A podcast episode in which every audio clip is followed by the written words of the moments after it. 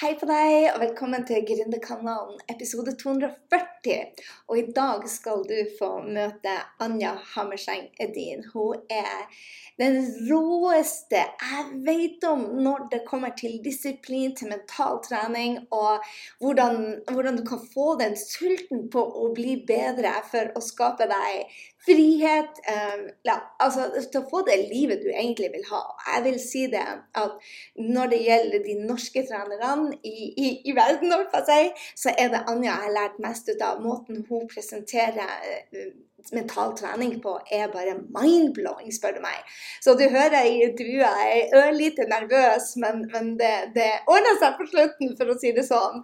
Hun har bare det største hjertet og er så genuint opptatt ut av at man skal bli bedre, og at man skal være seg selv helt eh, Og leve det livet man vil ha. Så for meg må dette være det mest spennende intervjuet jeg noensinne har gjort. Så gled deg. Jeg skal egentlig ikke si så mye mer enn bare nyte, men har du lyst til å være med på en gründerutfordring, så kan du jo hoppe på grysynding.no slash 240 og melde deg på. Vi skal ha en rå gründerutfordring eh, de neste syv dagene. Så har du ikke meldt deg på, så gjør det. Og hvis du vil lære mer om Anja, så gå på fearlessmind.no. Den dama er bare rå. Altså, det teamet hennes er bare rått. Og en av de tingene som hun eh, deler eh, i podkasten sin, holdt jeg si, i podkasten vår her, så er det dette med hvordan du, eh, hvordan du skal eh, Hvordan kona hennes, og Gro, eh, løfter andre. Så jeg må bare si det at det er en av de tingene etter jeg prata med henne, at jeg har satt på min agenda. Jeg lærte det av Jamie eh, Lima, hun bak eh, One Cosmetic. It Cosmetic heter den vel.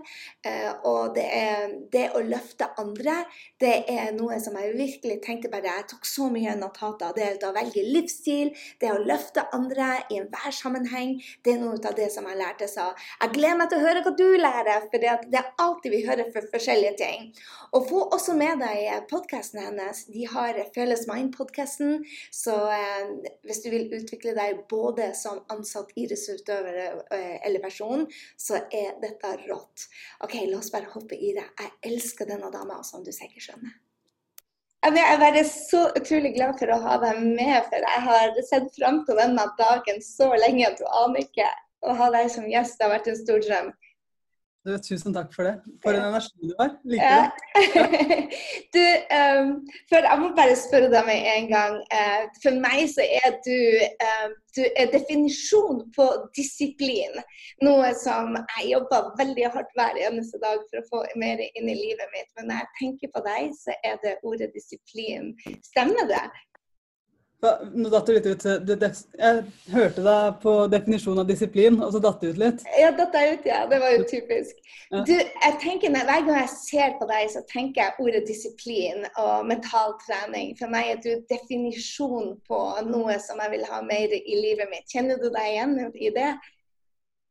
Ja, absolutt. Jeg syns jo det er veldig viktig. Og det er jo noe av det som sikkert har fulgt meg i håndballen. Da. Jeg har spilt håndball i mange år. Og der er jo det å gjennomføre, det å være en gjennomfører, være disiplinert, strukturert, det er jo noe vi blir lært opp til veldig tidlig. Og det er jo noe som jeg virkelig har fått dratt med meg ut i det livet jeg lever nå. Ja, Hvordan er livet ditt nå? For du var, liksom, du, du var liksom på top of the world i sportsverden, og så har du fått en karriere som gründer, egentlig hvor du trener hvor, du, hvor, du, trener oss andre til å bli like disiplinert og um, uh, modig, kan jeg si det? Ja, du kan si det. Mest av alt så trener jeg meg sjøl. Uh, eh, og det er, uh, det er, tid som jeg setter av hver eneste dag til å drive med personlig utvikling. For jeg tenker at det er igjen tilbake til disiplinen. Da. Det jeg lærer bort, det skal jeg gå i lære som sjøl. Så ja. Jeg absolutt, jeg lærer bort teknikkene, jeg lærer bort livsstilen. Og til ulike mennesker, av og til privatpersoner, kun hvis de er 100% dedikert. Av og til bedrifter, og av og til idrettslag. Så det er det jeg lærer bort til, da. Men øh, jeg har veldig fokus på det at hvis, øh, hvis jeg skal være sammen med noen og, og, lære det her videre, så trenger jeg å leve det sjøl. Ja, så, så jeg setter alltid av tid til det. Så hva tenker du det gir disiplin og, og, og um, målretthet? Hva, hva, tror du det gir livet? Hva, hvordan, hvordan, er det du egentlig måler suksessen din, er vel egentlig det jeg spør om. For du, du har jo så mye ut av det i livet ditt, og du lever jo det i, med kundene dine. Hvorfor, hvorfor egentlig? Um, hva er det det gir oss, disiplin og målbevissthet? Mest av alt så, så er det viktig for meg å være hel ved. Uh, hvis jeg vet at jeg skaper fra et sted som er ekte inni meg, og jeg lever fra hjertet Jeg lurer aldri noen. Jeg, jeg vet at det virker, jeg lever det sjøl. Og det det gir, det er jo en vanvittig stolthet og en, uh, en følelse av mening. Fordi at jeg, jeg, opplever virkelig at jeg driver med noe som er meningsfylt. Mm. Og jeg har kjent på kroppen hvor mye det har betydd for meg selv. Mm. Hva, hva er et meningsfullt liv? Tenker du det at, vi, eh, at vanlige nordmenn vet det? Jeg tror det er veldig opp til hver enkelt. Jeg tror at det er forskjellig fra deg til meg og ja. til alle andre som ser på noe. Hva er meningsfullt liv for deg? Men jeg tror at vi alle sammen har en passion inni oss. Vi har noe som driver oss litt mer. Og når vi finner den, og når vi har tro mot den, så, så, klarer vi å finne mening i mye større grad med det vi gjør. Vi blir ikke lenger en slave for paychecken, liksom. Vi blir ikke lenger en slave for andres meninger eller hvordan samfunnet mener at vi skal designe livet vårt. Vi blir hel ved i tro mot oss sjøl.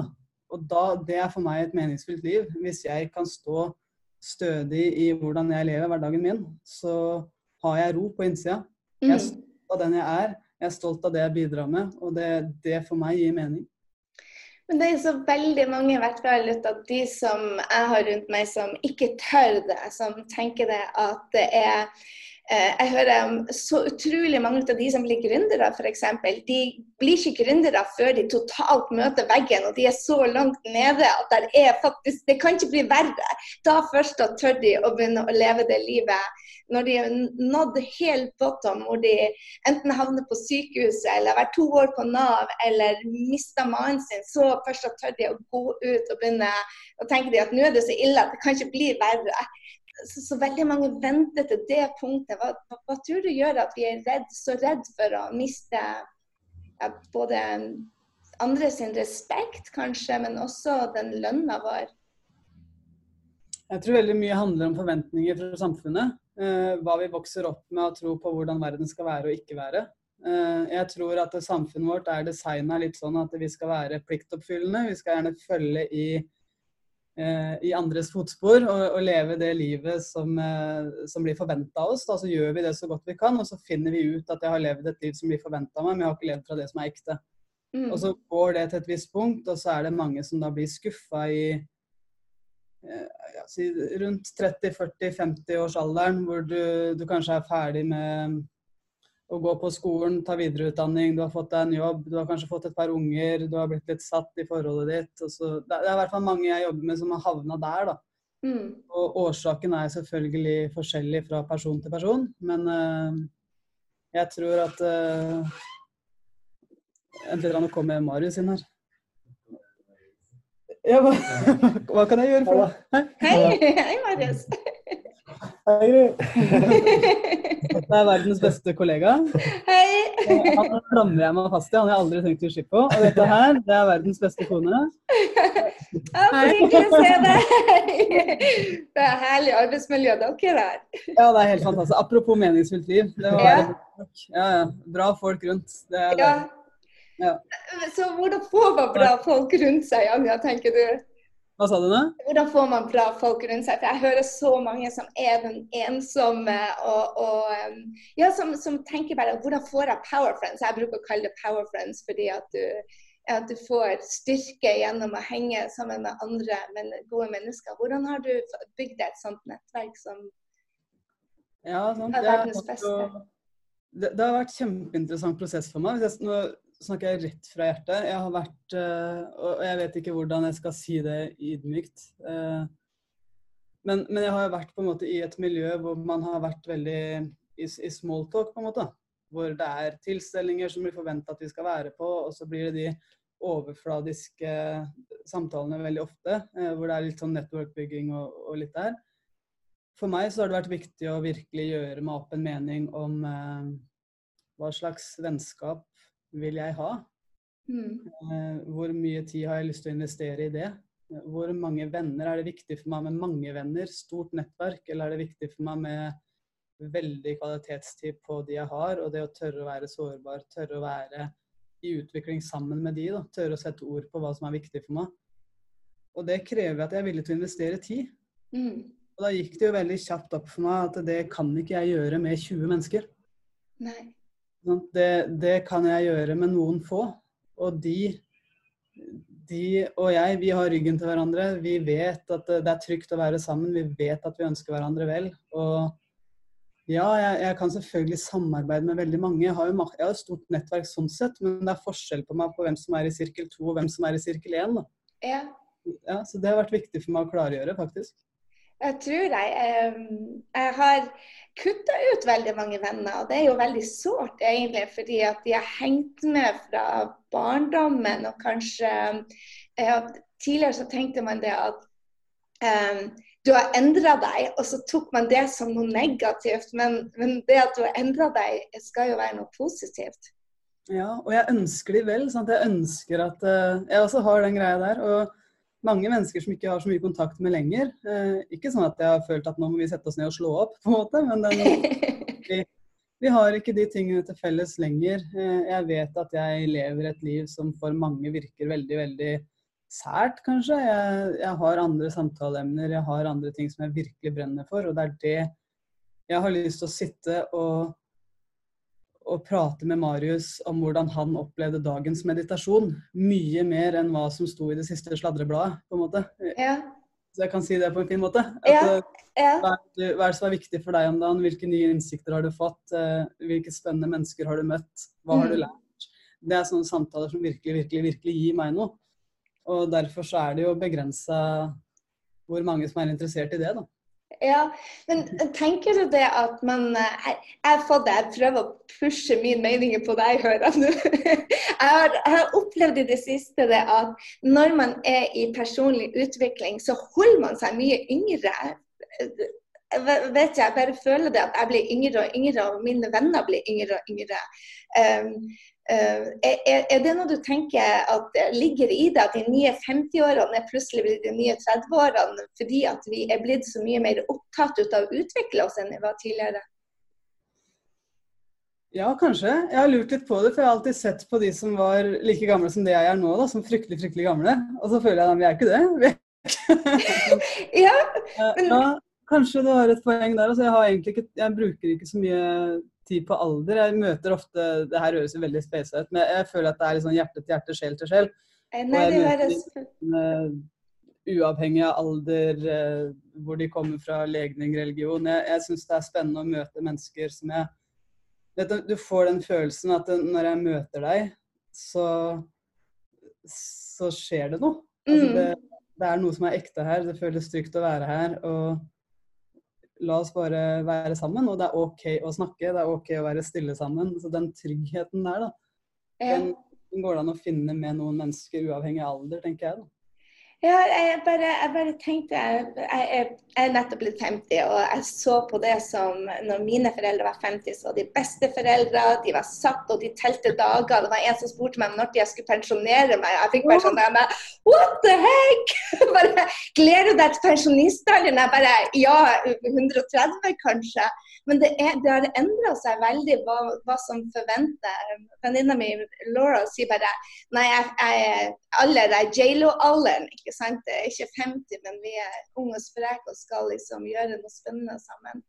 Jeg har vært kjempefascinert av den der du sier der, at uh, hvorfor skal man glede seg til å pensjonere seg? Det er mange som har det. Jeg gleder meg til pensjonistalderen, jeg gleder meg til helg. Jeg kjenner jo at å, fy fader, det er mandag. Yes! Yes! Jeg- jeg- liksom, jeg- Og virkelig, det er ikke sånn det må jeg huske å si for å overbevise meg sjøl om at det er sant. Nei, det er, jeg har designa et liv som jeg elsker, og jeg har ikke lyst til å bare pensjonere meg og tenke at nei, men nå skal jeg inn i et liv og bare leve livet. Nei, jeg gjør det nå, jeg.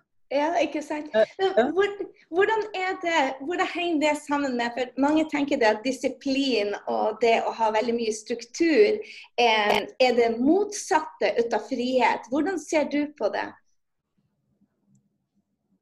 Jeg ser på det nok litt, eh, litt annerledes. Um, Jeg er veldig dedikert til personlig utvikling. Jeg er veldig dedikert til å vite hva som skal til for at jeg fungerer på mitt beste. Jeg vet at eh, jeg trenger å sove godt.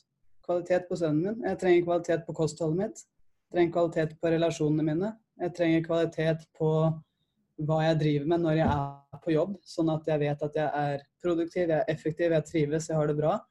Jeg starter hver eneste jobbdag med meditasjon. Jeg avslutter hver eneste jobbdag med meditasjon jeg trener. Altså det, det, er sånne ting som jeg, jeg viker ikke fra det fordi det fungerer. Og det, å ha den disiplinen det, det, kan godt hende Du kan kalle det disiplin eller du kan kalle det valg av livsstil, på en måte. Men det, mm.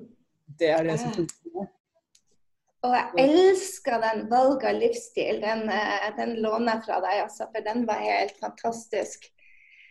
Jeg starta um, å trene for 690 dager siden hver eneste dag. Og jeg, jeg, jeg, jeg hadde vel aldri trodd det at det skulle ha så stor um, innflytelse på hvor dypt jeg kunne elske, eller hvor dypt jeg kunne kjenne følelser, eller hvor mye energien mine ville gå opp. Jeg tror vel det at jeg har lest det, men jeg trodde egentlig ikke på det at det å ta sånne daglige valg som du egentlig ikke merker så mye at du gjør, men heller ikke merkes på kort sikt at du ikke gjør, eh, mm. hvor stor del Hvordan er det man skal um, hvordan er det man skal formidle dette uten å være belærende overfor andre? Kjempe, altså Når vi finner nøkkelen på den, eh, så, så har vi kommet bra i gang. Men eh, nei, jeg, jeg tenker at for meg så er det viktig å leve det, sånn at andre lar seg inspirere.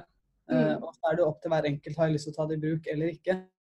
Men, uh, men jeg vet jo det at uh, i denne verden som du og jeg lever i og trasker litt i, da, så er det veldig mye fokus på personlig utvikling. og Det står mye bra i bøker, og det står mange bra forskningsartikler, og det er mange som, som preacher det her veldig. Og det er kjempebra. Men det virker jo i det øyeblikket du tar det i bruk. Mm.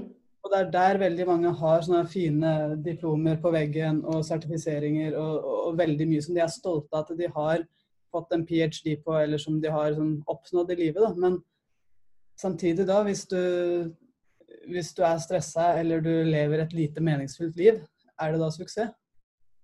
Absolutt ikke. Ja. Ja.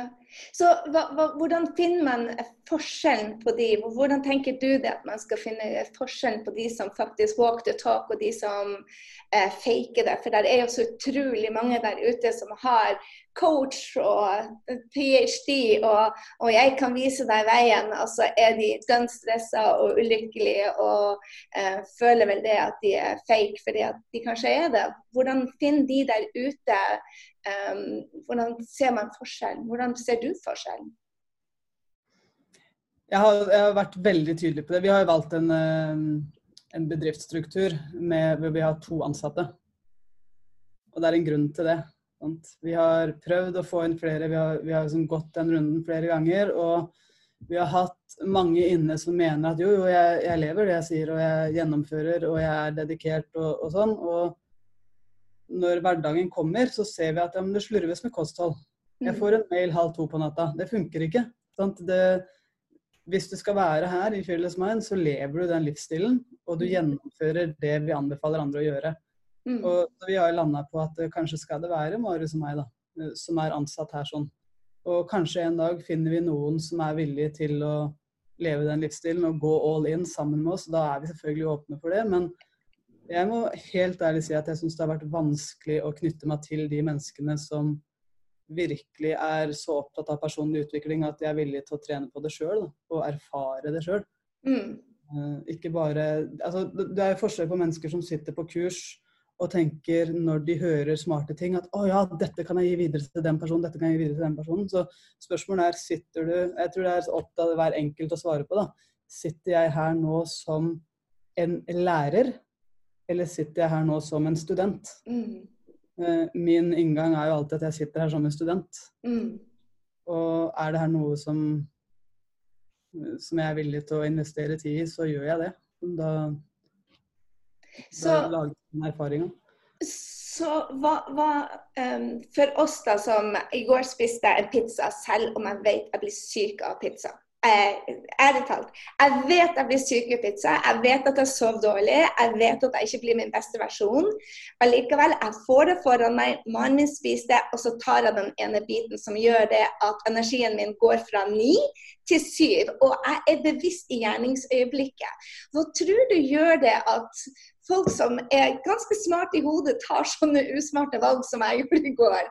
Selv om jeg ikke vil, så tenker jeg det at um, det skader ikke så mye. Og det er jo godt. Og han gjør det, og jeg vil jo ikke være annerledes. Det er en sånn greie der, en sånn indre kamp, egentlig, hvor jeg vinner ni av ti ganger med den ene gangen, og så sitter jeg dagen etter og sier jeg skulle ikke ha gjort det.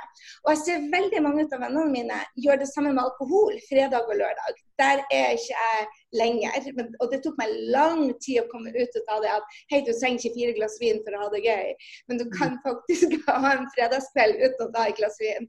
Men hva tror du gjør det at det er så vanskelig å bryte ut av de de, de vanene eller sosiale normene som vi har. Der, der er det jo igjen da, svar opp til hver enkelt. Hvis du sitter der med en mann som har store forventninger om at nå skal vi to kose oss sammen, og du har kommet lenger i, i din indre reise, kanskje, på akkurat det da, enn han, så er det jo spørsmål er det, er det nå jeg skal bare være helt steinhard og aldri kunne spise det samme som mannen min, eller er det greit å innimellom gi litt slack rett og slett for å ha det fint sammen med han. Mm. Uh, og, og, er det verdt det? Men, uh, men jeg tror jo at uh, jo tydeligere vi klarer å være for hverandre på hva som er viktig, og jo tryggere jeg blir i å kunne formidle for, for kona mi da, at jeg, jeg, trenger å legge meg klokka ti. Mm. Jeg skal kunne klare å meditere før Leo, vår minste, våkner om morgenen. Selv om jeg vet at det er hyggelig å være sammen den siste timen liksom, før, leggetid. Da. At når jeg klarer å være ærlig på det, jeg klarer å si at ja, jeg, jeg, vil ikke drikke, jeg drikker jo ikke alkohol sjøl. Mm. Jeg klarer å være i ro med det. Det er veldig viktig, men det, her, det er jo her personlig utvikling kommer inn igjen. Da. At mm. Jeg må trene på det. Men når du snakker om kosthold, så er det jo eh, Ofte så begynner jo maten å prate til oss hvis vi er lav på blodsukker. Sånn, har, det er helt fascinerende. du sitter jo på hvis du jobber med næringslivet f.eks., eller kommuner spesielt, så, så, er det jo alltid sånne twist-skåler stående rett foran. Og hvis du ikke da har vært nøye på søvn eller kosthold, sant, så begynner jo den twist-skålen å prate sånn Spis meg! Spis meg! det har ikke jeg tenkt, men det har du helt riktig. ja, og da, da, er det jo sånn at du Ja, jeg vet jeg skal følge med på det du sier, men jeg har en indre samtale med den tvisten. Mm da begynner det å bli krevende å være meg. For jeg har lyst til å være høflig og nikke og sånn når du prater. Samtidig så sitter jeg og sier at jeg skal spise den. Den er krevende. Og da, liksom, hvis jeg hadde fått lov å jobbe med deg, da, så ville jeg utfordre deg på Er det mulig å Kan vi spise litt mer fett, f.eks. For, eksempel, for å slippe suget etter blodsukker? Eh, kan vi gjøre noe i kostholdet? Eller søvnen, eller stressnivået i kroppen? Så finne ut hva er motivasjonen bak akkurat den handlinga der. da. Mm. Hvorfor begynner maten å prate til oss, eller hvorfor velger jeg å ta det ene glasset med vin når jeg egentlig Det kan være av og til ting som er helt legit, at jeg tenker ja, men akkurat nå var det faktisk verdt det. Ja. Andre ganger så kan det være nei, vet du hva, nå fikk jeg en aha-opplevelse om mitt reaksjonsmønster. Det var litt fascinerende. Og så bare lærer vi av det istedenfor å gå i den derre jeg er dårlig menneske, skam, eh, slå, mm. meg sjøl. Men jeg har lært det nå, da. Hva kan jeg gjøre annerledes neste gang? Hva, hva gjør jeg da?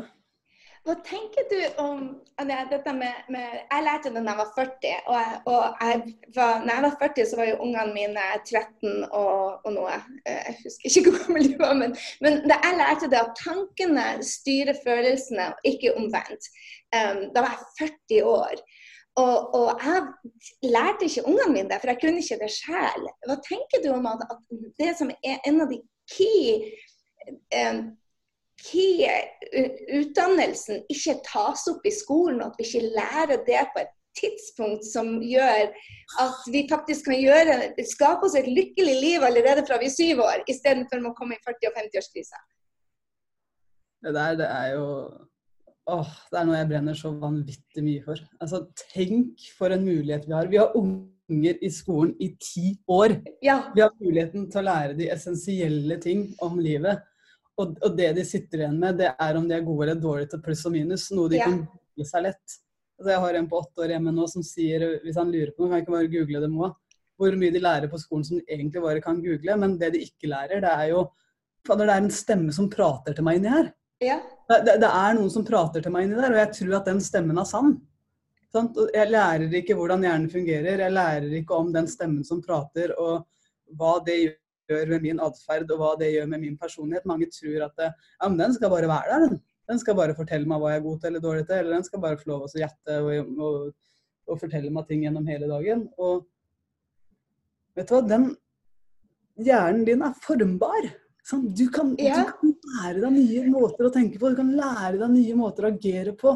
Ja, kanskje har du et utgangspunkt hvor du er designa for en eller annen reaksjon. Et eller annet i kroppen din. Et eller annet sånn, Og det kan vi også trene på! Og Det kan vi trene på. Å endre, det kan vi trene på. Å utvikle. Du, du har en kjempemulighet hvis du bruker den hjernen din på det her sånn. Jeg hadde en sånn kjempesamtale med Mio på akkurat det. For han kom hjem fra, fra fotballtrening en av de første gangene han skulle spille fotball, og han var så, han var så lei seg. Altså, Det er eldste vår, da. Eh, han var fem på det tidspunktet.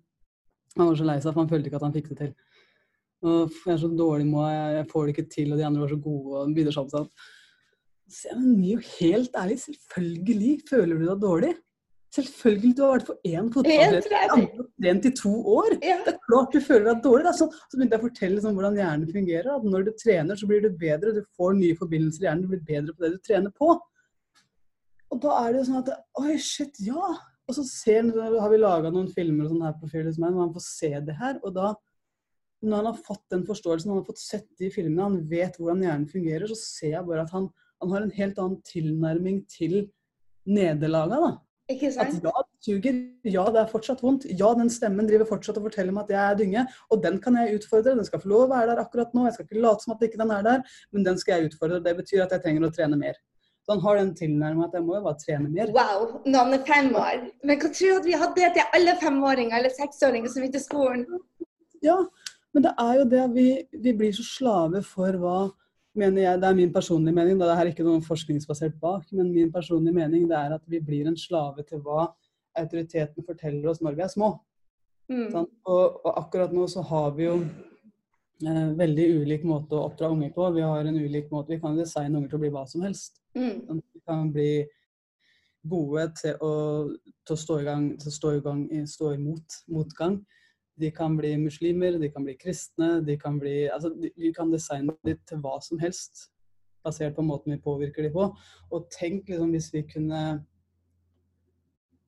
fått de liksom, til å følge instinktene deres, da. Hva er du nysgjerrig på? Hva har du lyst til å lære mer om? Hvordan kan du sammen med andre mennesker skape et liv som du syns er spennende? Hvordan kan du glede de rundt deg? Hvordan kan du ta andre på fersken når de har gjort noe bra? Så tenk hvis vi Mm. kunne satt de på det sporet der sånn. Ja. Hvordan har du deala med nederlag før? Hvordan Har du deala har, du, har du hatt det sånn kjipt før? Hva gjorde du da? Gikk det over? Eller var det sånn alltid? Nei, det gikk over. Ja, sant. Kult. Alt som kommer, går over. Sånn er livet. Det å få den læra der sånn, det er jeg, tror at eh, med å få livsmestring i skolen, så er det ett steg inn. Men Mm. eh, det, det går litt sakte. Det går veldig sakte. og Innimellom så har jeg dårlig samvittighet, for mine unger har blitt store. ikke sant? Og jeg var jo, Det er ti år siden jeg begynte med, med mentaltrening og, og, og utforske, egentlig. Jeg levde et veldig sånn satt liv med stakittgjerde og vanlig jobb og hytte både her og der. Og, um, og jeg ser jo det hvor, hvor mye det påvirker barna mine. For når, når Henrik og jeg valgte å ikke leve lenger sammen, men allikevel være gift, for bare lever ikke sammen. Så sa barna mine til meg, og det er jo fordi at de har levd sammen med meg, så sa de er det ikke bedre at dere skiller dere, så vi slipper å forklare til alle at dere har en helt rar livsstil som ingen andre har. Det blir så vanskelig, mamma. Enten er barna sammen med foreldrene sine, eller så er de gift, men ingen har sånn livsstil som dere. Og det er ubehagelig for oss. Og da tenkte jeg bare at årsaken til de sier det, er jo fordi at de har fått den oppdragelsen hjemme. Mm. Og, og hvordan, er det man, hvordan er det man når man går inn og hvordan, Når man har gjort så mye feil for man ikke visste bedre, hvor er det man begynner å korrigere da? For det er mange av oss, tror jeg, som ikke har oppdaget selvutvikling før vi er 35, 40 og 45, og så har vi allerede påvirka barna våre i feil direction og prøvd å putte dem inn i bås. Mm, jeg tror ikke vi kommer til å være feilfrie som foreldre noensinne. Jeg tror at vi hele tida må bare akseptere at vi gjør så godt vi kan. Mm. Og, og, jeg har gjort så godt jeg kan, du har gjort så godt du kan. Og så heldigvis så tilegner vi oss ny kunnskap, da, så gjør vi så godt vi kan da. Mm. Og det tror jeg barna våre gjør òg. At de lærer veldig mye av oss, men de lærer også veldig mye av den verden som er rundt dem. Og de òg gjør bare så godt de kan. Så jeg tror veldig på den at uh, jo mer vi lærer, jo mer kritiske blir vi til det vi har gjort før, veldig ofte. Mm. Det å bare akseptere det at det, Heldigvis så gjør jeg ting annerledes nå. Ja. Heldigvis har jeg lært. Heldigvis så lærte jeg det nå, og ikke om 20 år. Sånn at jeg har nå muligheten til å være enda bedre for dem. Og det er fordi at jeg har giddet å lært meg noe. Tenk hvis ikke jeg hadde gjort det. ja, ikke sant. Ja. Hvordan tror du at du kom inn i dette så tidlig? For du starta jo med mental trening lenge, lenge før de fleste av oss. Hva, hva gjorde at du, du, var så nysgjerrig på dette så tidlig i livet ditt? Eh, jeg fikk oppleve og erfare hva det gjorde. Jeg hadde et menneske i veldig, veldig nær familie som uh, levde som hypokonder. Sånn på ekte, liksom. Yes. Lengte livet sitt som hypokonder. Da. Og jeg husker de siste ti åra av livet hans, så lå han på sofaen. Og jeg husker jeg sto og kikka på han og fikk ikke helt kontakt med han. Han trodde han skulle dø hele tiden. Og, og det var liksom mye av min min forståelse av sinnet i tidlig alder, det var at fy fader, du kan faktisk tro at du er sjuk. Og det eneste som egentlig feiler deg, det er de liggesårene på kroppen din. da, Fordi du har ligget så mye. Og så når jeg var 13 år da, så fikk jeg møte Frank Beck, som var en stor motivator. da, en Oi, av de Norge. ja. Og som jeg fikk eh, Først så fikk vi foredrag, og så jobba jeg mye én-til-én med han. Eller han jobba mye med meg da, etterpå. En til en. Og jeg husker at jeg sa til mamma fy fader, kan jeg, kan jeg få mennesker til å føle sånn som han fikk meg til å føle meg nå? Wow. Det. Sånn, det, det er det jeg har lyst til. Og jeg fikk hele tida liksom backing fra mamma på at ja, det kan du, men da må du bli den ene. For det er jo ingen som driver sånn, det er bare Frank. Sånn, det, ja, men det har jeg lyst til, for nå har jeg fått lov å sett og erfart de to verdenene. Jeg har sett den ene som ligger der og tror at han skal dø hver eneste dag i ti år. Eh, og hvem andre hadde overlevd det, på en måte. Og, og så har jeg fått lov å erfart liksom, Hvis jeg våger å tenke positivt, da. Hvordan jeg kan deale med det som oppstår i livet da. altså De to verdenene, så gikk det bare opp for meg veldig veldig tidlig hvor stor kraft det er Mm. i sinnet vårt. da. Ja.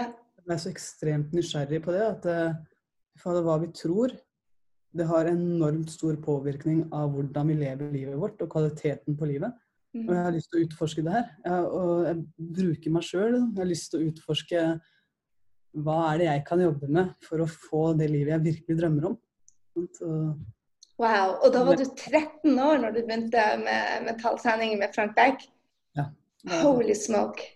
ja, jeg var kjempeheldig. Og det er jo takket være mamma sant, som dro inn han, eh, for mamma var treneren vår. Så vi dro inn han i laget vårt, og, og det er jeg så takknemlig for. Ja, det tror jeg på. Det har gjort en stor, stor forskjell for meg. Hvem andre, hvem andre er det som har løfta deg frem, som har vært dine støttespillere opp gjennom tida? Det er veldig mange. eh, veldig, veldig. Jeg har fått lov å lære mye av nederlag. Eh, mye av mennesker som har gitt meg livets harde lekse. Eh, og lære mye av mennesker som bare har gitt meg kjærlighet. Så, så jeg ser liksom på begge de to sidene som læremestere. Da. At jeg har stått i mye smerte, jeg har stått i mye kjærlighet, og begge deler har jeg bare lært og vokst gjennom. Så det har vært veldig, veldig fint. Det er veldig mange som sier på papiret, men som ikke lever. For at vi leste at det er gjennom nederlag vi skal lære mest ut av, egentlig. Og så er det veldig fint og flott på papiret, og vi ser det i ettertid, men å stå i det og tørre å si bare OK, dette er læring. Det har vært life changing for meg i de siste to årene. Og der gang jeg Ja, og så vanvittig, men jeg sa det i åtte år før jeg faktisk gjorde det. Ja. Jeg så det i ettertid om at det bare Mens nå når jeg står i, i, i virkelig tøffe situasjoner, så tenker jeg bare Oh my God, sånn føles det å være i vekst, og det suger. Ja! ja. Jeg tror at vi, vi lærer gjennom smerte, og så lærer vi gjennom utvikling. Eh, Mm. det tror jeg. Og, og, vi trenger begge deler. Og, og det er det å få erfare igjen, da vi er tilbake til erfaring. Vi må erfare det. Det nytter ikke bare å skrive det på papiret. Du må stå i det og så må du tenke ja, det suger. Hva lærte jeg? Mm.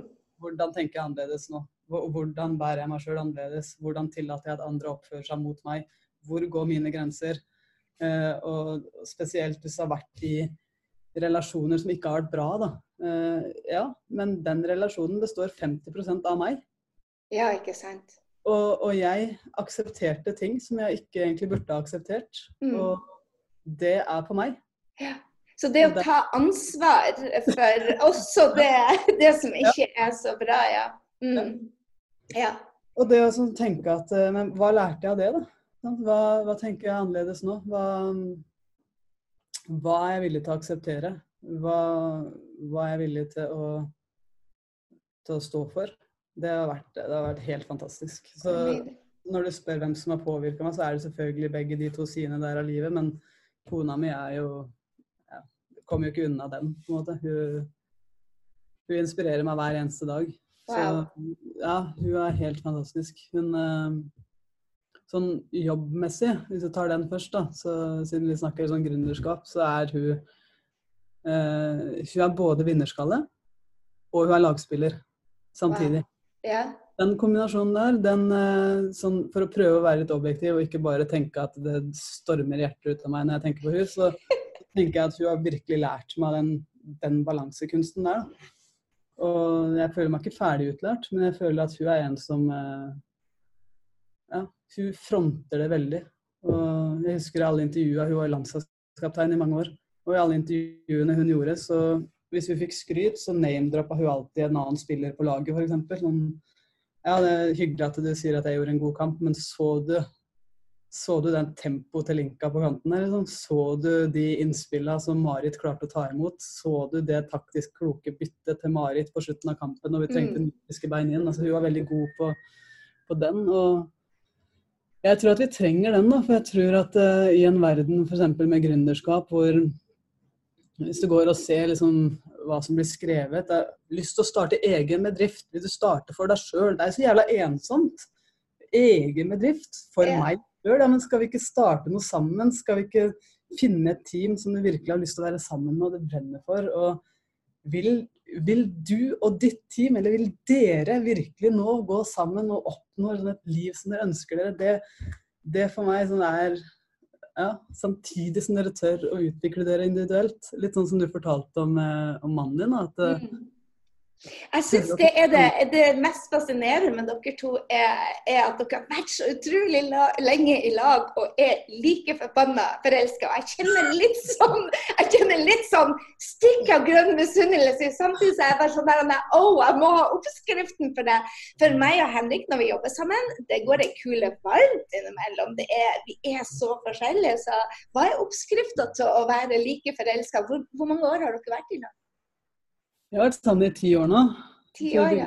Men, men, tror du at det er gærent at det av og til går en kule varmt, da?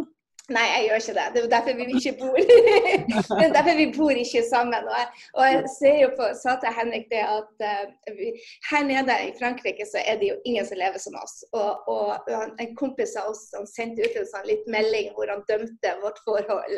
Eller sånn tok jeg det jeg tok det sånn, det han sa. bare, Gry, det er ingen som er så gæren som dere og, og, og, og er så sær som deg, så, så det, der har du ikke uttalelsesrett. Og så tenkte jeg bare på det at jeg, jeg føler det når jeg skal gå og legge meg om kvelden. Vil jeg heller hatt mitt liv, eller vil jeg hatt hans liv? Så har jeg valgt mitt liv any time of the day.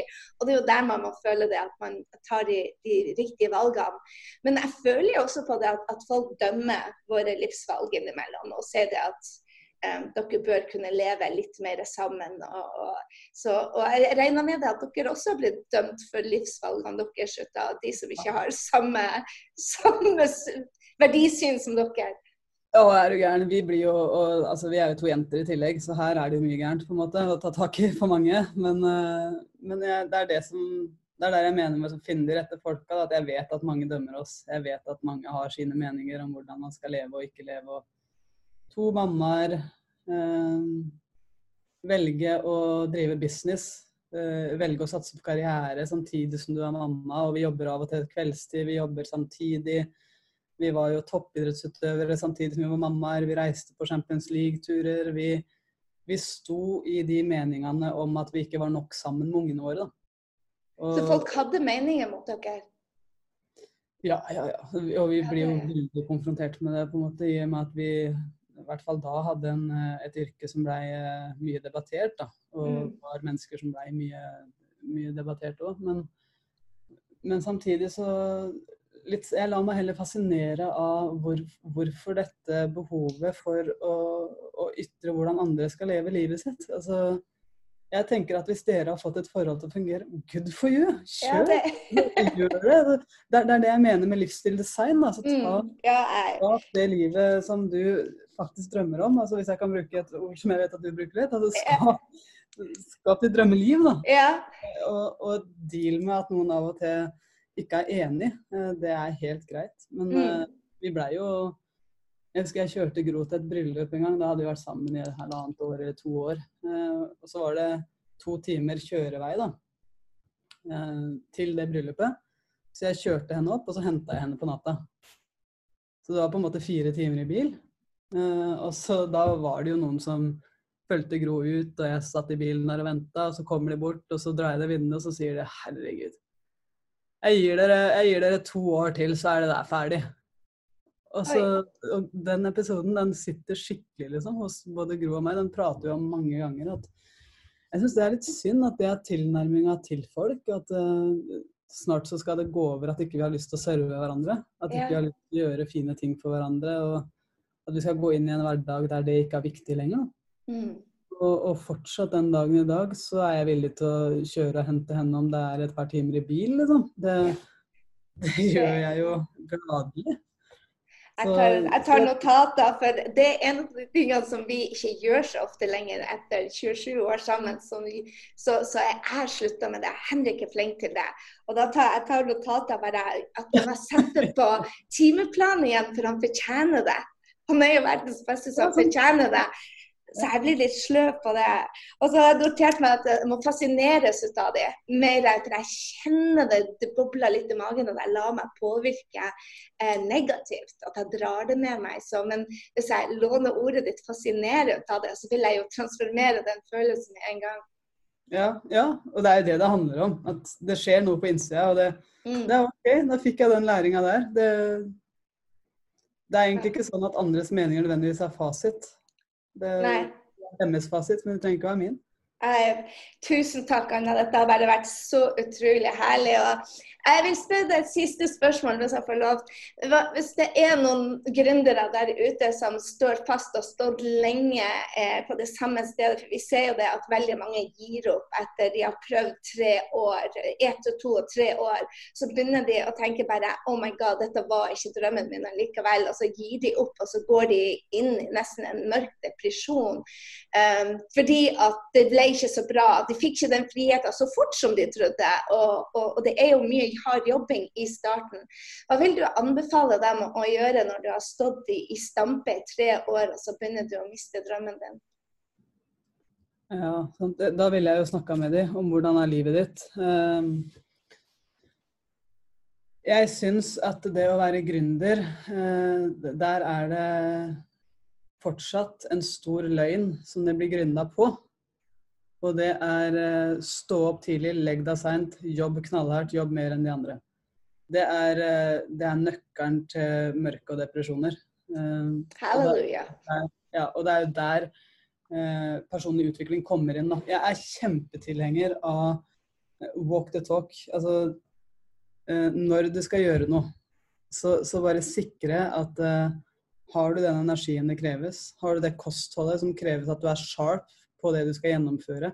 Klarer du å ta de termatsa? Klarer du å være hel ved når du kommer hjem etter jobb? Er du til stede for ungene dine? Er du til stede for mannen din, for kona di?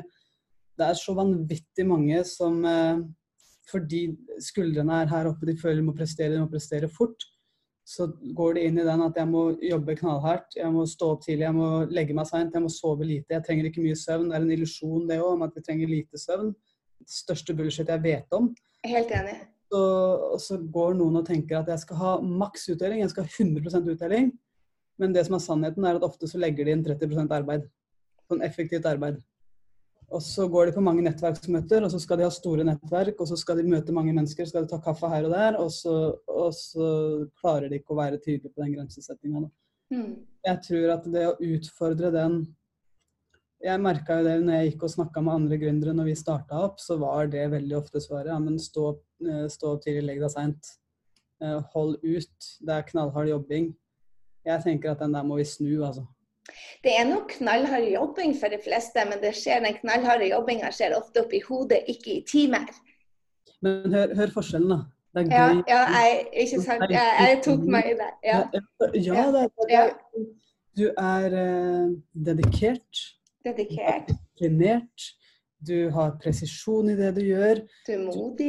Kanskje Ja, sant. Du, du har det gøy med det du gjør. Mm. Ja, du, du vet nøyaktig hvor du vil hen, men bare det ved å snu f.eks. den tradisjonelle målsettinga Mm. med hva vil jeg oppnå, sant? til hva vil jeg oppleve. Det, det er Nydelig. på liksom, ja, ok, men Hva slags opplevelser ønsker jeg meg, da? Mm. Fint. Det er mange som tenker at jeg vil være helt fri. Jeg vil, jeg vil jobbe fra Bali. Jeg vil, jeg vil jobbe fra en strand på Bali. Ja, fett det. Men det er bare fett hvis du klarer å være 100 til stede når du sitter på den stranda på Bali, og ikke tenker gjennom mindre fantasier på alt som du burde gjort eller skal gjøre. Mm. Det å trene opp den tilstedeværelsen, da, da tapper du, tappes du ikke for så mye energi, selv om ja. Det, det, det er ting som trenger å bli gjort. sant? Ja, det krever en del disiplin. Ja, det krever at du faktisk er en gjennomfører. Sant? Men du kan kalle det En en livsstil. liv mennesker. En livsstil. Ja, jeg elsker ordet valg av livsstil. Jeg, altså, ja. så, for, jeg, for jeg tenker jo det at det er Jeg, jeg kalte det hard jobbing, men, men det er mer fordi at um, jeg syns hard jobbing er bra. Jeg ser egentlig ikke det på Ja, jeg syns hard jobbing er bra, for det gir meg um, for Hard jobbing for meg, det gir meg hva- eierskap, og det gir meg at jeg er en som sier det jeg skal gjøre. Og, ja.